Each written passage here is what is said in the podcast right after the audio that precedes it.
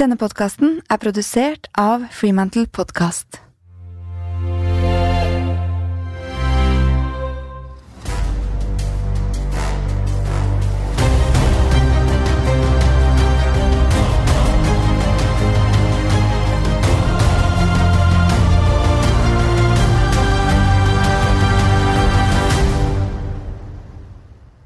Forrige uke kunne vi høre Martin Schutt, medgründer i Askeladden, fortelle om hvilke grunnholdninger han har til arbeidslivet, og hvilke mentale strategier han anvender når utfordringer oppstår. Det var mange grit-egenskaper i Martin, og i dag tenkte jeg vi kunne oppsummere noe av det vi alle i hverdagen kan bruke av Martins tips og råd. Noe av det Martin snakket mye om, var verdien av å sette ting i perspektiv. De situasjonene jeg har vært i og vært liksom usikker og bekymra, og redd for sånne situasjoner, så har det alltid på en måte roet seg hvis jeg har fått tid til å løfte blikket, tenke på ja, hva, hva, er faktisk det verste som kan skje, og til og med skrive det ned. Det gjør jeg innimellom. Hvis jeg er liksom åh, nå er det 100 tanker i hodet, og bare skrive ned men hva er nå, hva er liksom de scenarioene, hvor, hvor ille kan det gå? Og så er det jo aldri så veldig ille.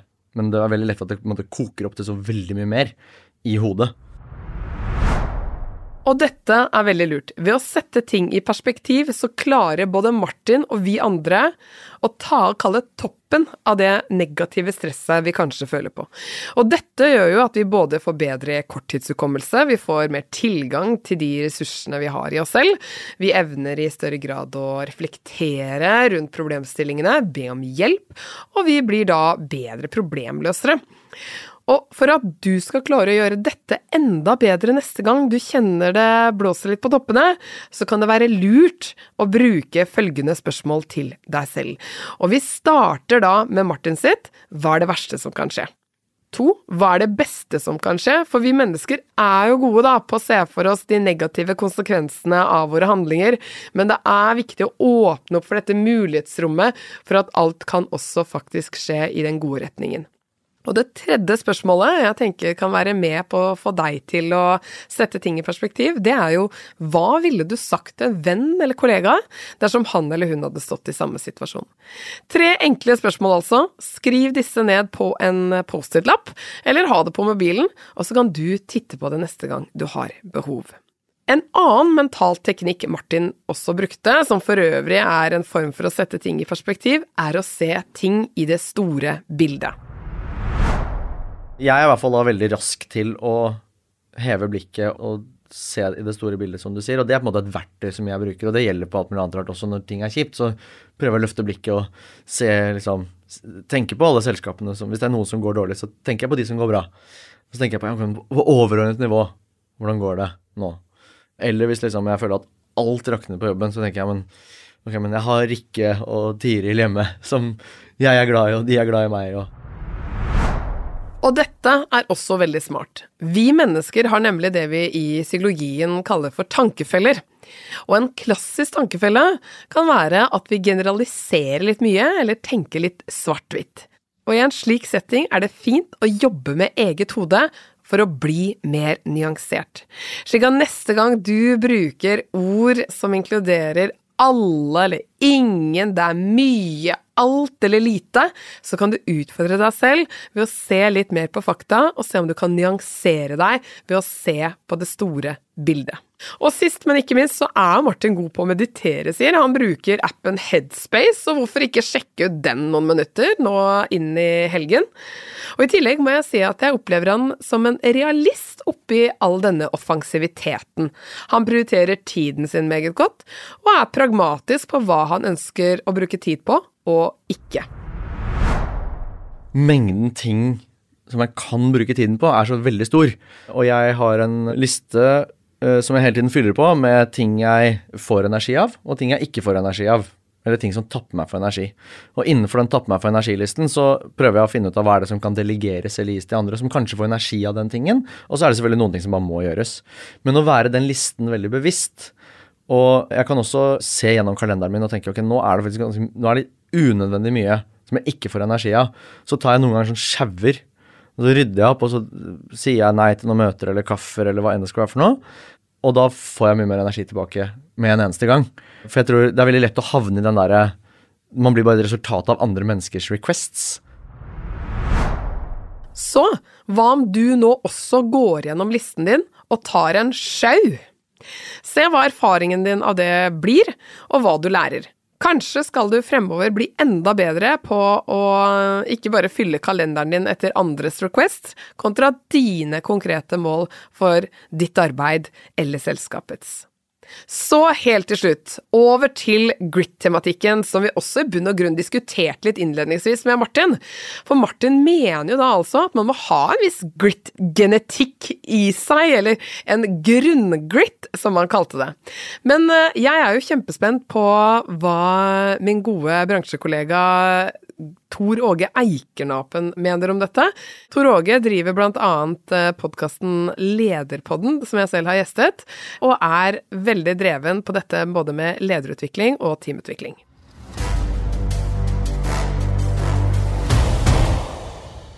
Hei, Tor Åge. Velkommen til eh, Grit. Tusen hjertelig takk, Cecilie. Vi må gå litt inn på denne grit-tematikken, for jeg har invitert deg inn i denne episoden for å kommentere litt på Martin Schutz sine kalle hypotese eller påstand om at man bør jo ha en form for bunngrit for å kunne ha denne mentale kondisjonen over tid. Og da lurer jeg litt på hva du tenker om det, da. Ja, Martin han har jo delvis rett. For dette, dette her er det blitt forska på. Og eh, det forskeren sier, det er at eh, litt sånn som på samme måten som personlighet, hvis vi tenker Big Five som, som personlighet og den modellen, så er det litt 50-50. Altså, det handler 50 og av og til litt mer, og av og til litt mindre, om genetikk. Men så betyr det ganske mye åssen type miljø vokser du opp i? Og Martin snakker jo mye om å jobbe hardt. Og Der tenker jeg jo at det, det ligger en ganske betydelig miljømessig faktor. Hva, hva, hva, slags foreldre var det du vokste opp med, og opptatt var de av arbeid som en verdi? Fikk du et positivt inntrykk av det å jobbe mye, eller var det mer noe negativt for at foreldrene dine var aldri til stede for deg når du trengte de? Sånne type opplevelser gjennom barndommen og oppveksten tror jeg nok òg betyr ganske mye for iallfall den delen av gritt som handler om nettopp det å jobbe hardt, som Martin snakker en del om. Mm. Jeg spør jo han også om hvorvidt de rekrutterer etter grit-egenskaper inn i Askeladden, og det sier han at det er, de er de ganske kompromissløse på. Du må på en måte ha gass, da. Men er det litt sånn at eh, hvis man er en bedagelig type, Tor Åge, er det vanskelig å få en sånn person, mener du, til å få mer grit-egenskaper inn i et nytt miljø, selv om man ikke har det fra før av? Eh, ja. Men det er klart, miljøet på arbeidsplassen betyr ganske mye. Og hvem du henger med og hvem du jobber sammen med, påvirker oss ganske godt. Altså, det er gjort en del forskning på dette med endring, eh, altså personlige endringsreiser og det å tilegne seg nye egenskaper. Og, og, og, og miljø betyr veldig mye. Men jeg tror nok at det skal ganske mye til hvis din personlige preferanse er avslapning. Ta det litt rolig, ta det litt som det kommer. Og så skal du da i løpet av kort tid bli ekstremt prestasjonsorientert og hardtarbeidende. Den tror jeg krever ganske mye. Men si at vi har det caset, da. Du har disse som lytter til Gritpoden her, som kjenner at eh, ok, men det er ganske nødvendig i den fasen vi er nå, vi er etter en pandemi osv., at vi får opp innsatsen i medarbeiderne som uh, jobber hos oss. Hva ville du rådet de til å trykke på av knapper for å få opp innsatsen og få mer grit i seg, da? Nei, det er jo sånn med all type endring, så, så, må det komme innenifra på en eller annen måte. Sånn at eh, jeg tenker jo at eh, potensialet til alle mennesker er enormt, og at det er fullt mulig å endre seg og utvikle seg. Jeg mener, Det er jo litt av greia som både du og meg jobber mye med, og hvis ikke vi hadde trodd på det, så kunne vi bare legge ned eh, sjappa. Men hvis det er én ting jeg vil fremheve som jeg tenker er viktig for å skape den der ekstra motoren, den ekstra engasjementet, så er det å stimulere den indre motivasjonen. Og det handler om å legge til rette for opplevelser der folk opplever mestring, at de får til et eller annet som de ikke klarte i går, og at det blir noen, en, en, positiv greie. Det er en, en, god porsjon med autonomi, og da vet vi jo at det er ledere som, som har en litt sånn coachende lederstil, der de ikke kommer med ferdigtygde svar, men der de spør gode spørsmål, der de utfordrer, og der de følger opp sine medarbeidere, de har et fortrinn. Og så vet vi jo eh, i dag mer og mer om at hvis ikke de som jobber i virksomheten opplever det som meningsfullt, det de holder på med, at en kan se det en holder på med i en litt større sammenheng og tenke at dette her er et prosjekt som er viktig, dette her er noe som, som jeg kan identifisere med meg, ja, da er det òg vanskelig å få det store engasjementet. Så hvis du klarer å kommunisere og lede og skape en virksomhet der du møter folks behov for mestring, autonomi, mening, tilhørighet, så tenker jeg nok at det er det beste kortet å satse på. Men ikke nødvendigvis noe quick fix, det heller. Nei, og veldig gode poenger. For det første så tar det jo tid, men fullt mulig. Og jeg kan bare tenke meg litt sånn selv, for jeg er jo egentlig en litt sånn introvert type. Men jeg har jo lært meg å endre atferd og bli mer ekstrovert. Tørre å ta ordet og by på meg selv i settinger der det er viktig, eh, og også sett mennesker som har vært en skygge av seg selv i noen selskaper, men som kanskje har blitt den største spissen som har skåret de flest målene på et annet selskap. Så det er jo mulig å, å endre atferd og gi mer, mer, gass, men som du sier, da må dette komme litt innenfra, og det må være omgivelser også som stimulerer til den siden av en, da, er det det du sier? Mm, det er helt riktig. Så jeg tenker nok at eh, når jeg er inne i selskapet som er prestasjonsorientert, og som dyrker den type kultur, og der en skal være langt fremme i skoene, og det er det er høye forventninger til prestasjon, så, så, ser jeg jo at personlighetsprofilen til de som lykkes, den er ofte ganske lik. Altså at det er mange med høy grad av selvdisiplin, høyt ambisjonsnivå, og der det å lykkes er, er viktig for dem. Men så tenker jeg jo, hvis vi skal skal tenke litt mangfold, hvis vi skal tenke litt at det, er et poeng å ha litt ulike folk, så bør det òg være plass til de som ikke er fullt så prestasjonsorienterte. Men, men det handler litt om balansen her, miksen av mennesker som du skal ha i en organisasjon. Og så kanskje litt forventninger til seg selv, for jeg tenker jo da at der jeg må kanskje jobbe litt mer proaktivt for å tune opp eh, min ekstrovertet, så, så, vil jeg aldri kunne komme kanskje på en ekstrovertet til noen som har det veldig sterkt i personlighetstrekket sitt, men det betyr jo ikke at jeg kan få den opp ganske godt. og sånn, Det handler vel litt med grit også, da. At uh, du kan trene den ganske godt opp, og så har du noen som er så heldige også å ha blitt født med og stimulert veldig tidlig i oppdragelsen med med det òg.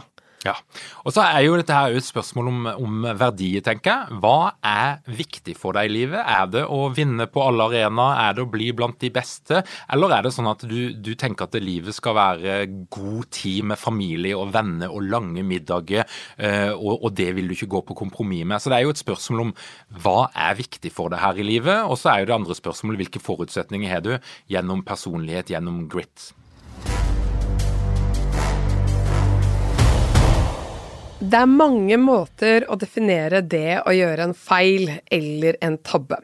Men Trude Brink Johnsen Margel, som er kommunikasjonsdirektør, hun mener at én stor tabbe hun gjorde, var å ikke be om hjelp i en vanskelig situasjon. Og læringsaspektet handlet om at eh, det å be om hjelp er ikke tegn på svakhet.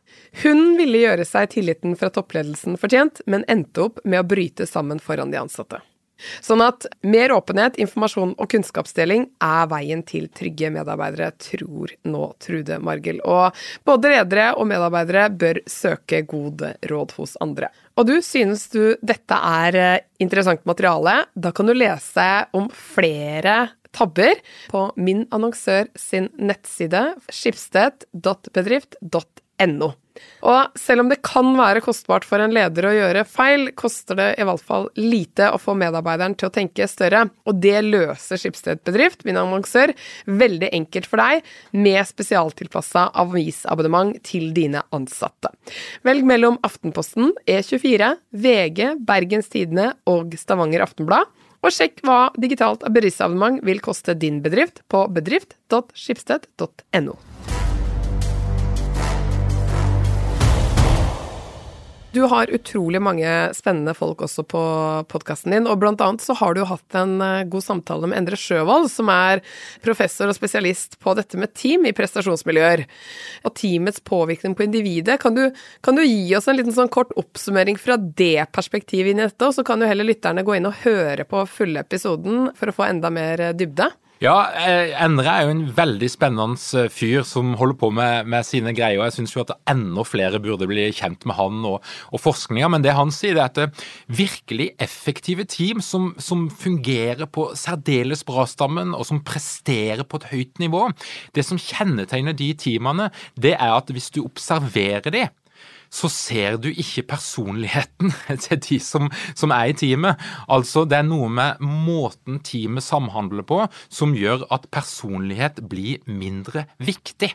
Og det han sier, er at eh, det som kjennetegner høypresterende team, spesielt i et krevende miljø, der du stadig får nye utfordringer, og der omverdenen kanskje endrer seg i et høyt tempo, det er at teammedlemmene er fleksible i åssen type atferd de utviser.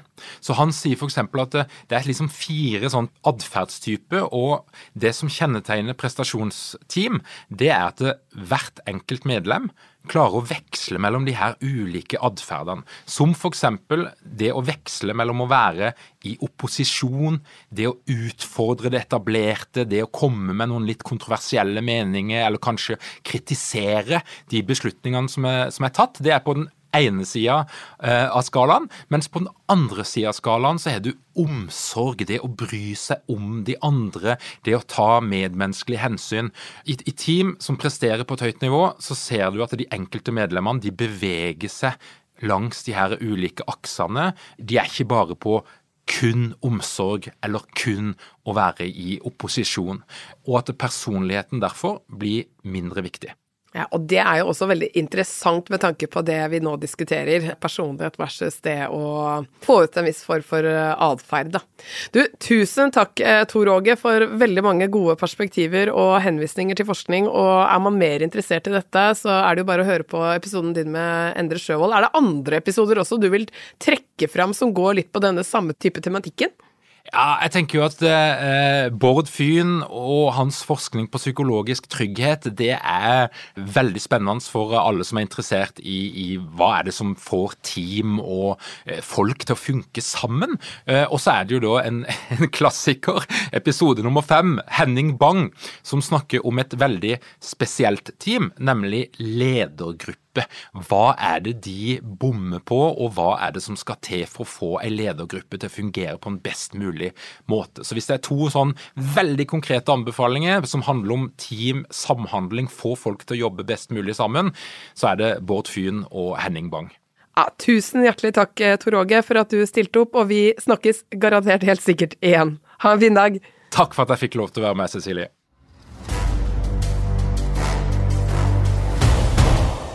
Det var dagens episode av Grit. Jeg håper du sitter igjen med mange gode tips og råd både fra Tor Åge og Martin Schutt, som du kan ta med deg inn i hverdagen for å utvikle din grit. Og den gode nyheten er jo altså at vi kan endre atferd, og personlighet blir mindre viktig i gode team som er gode på å være fleksible på å påvirke på litt ulike måter.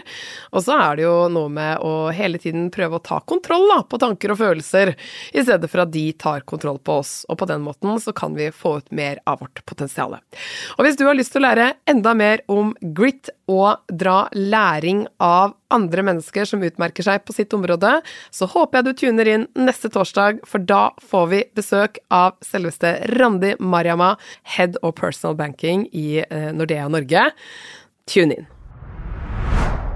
Har du lyst til å lære mer om mentaltrening og grit? Da kan du lese mer i boken min Mental styrketrening, eller boken Stå støtt som kom ut i 2021. Du kan også gå inn på rawperformance.no og lese mer om hva vi tilbyr av tjenester der. Alt fra én-til-én-samtaler, kurs, foredrag og utdanning.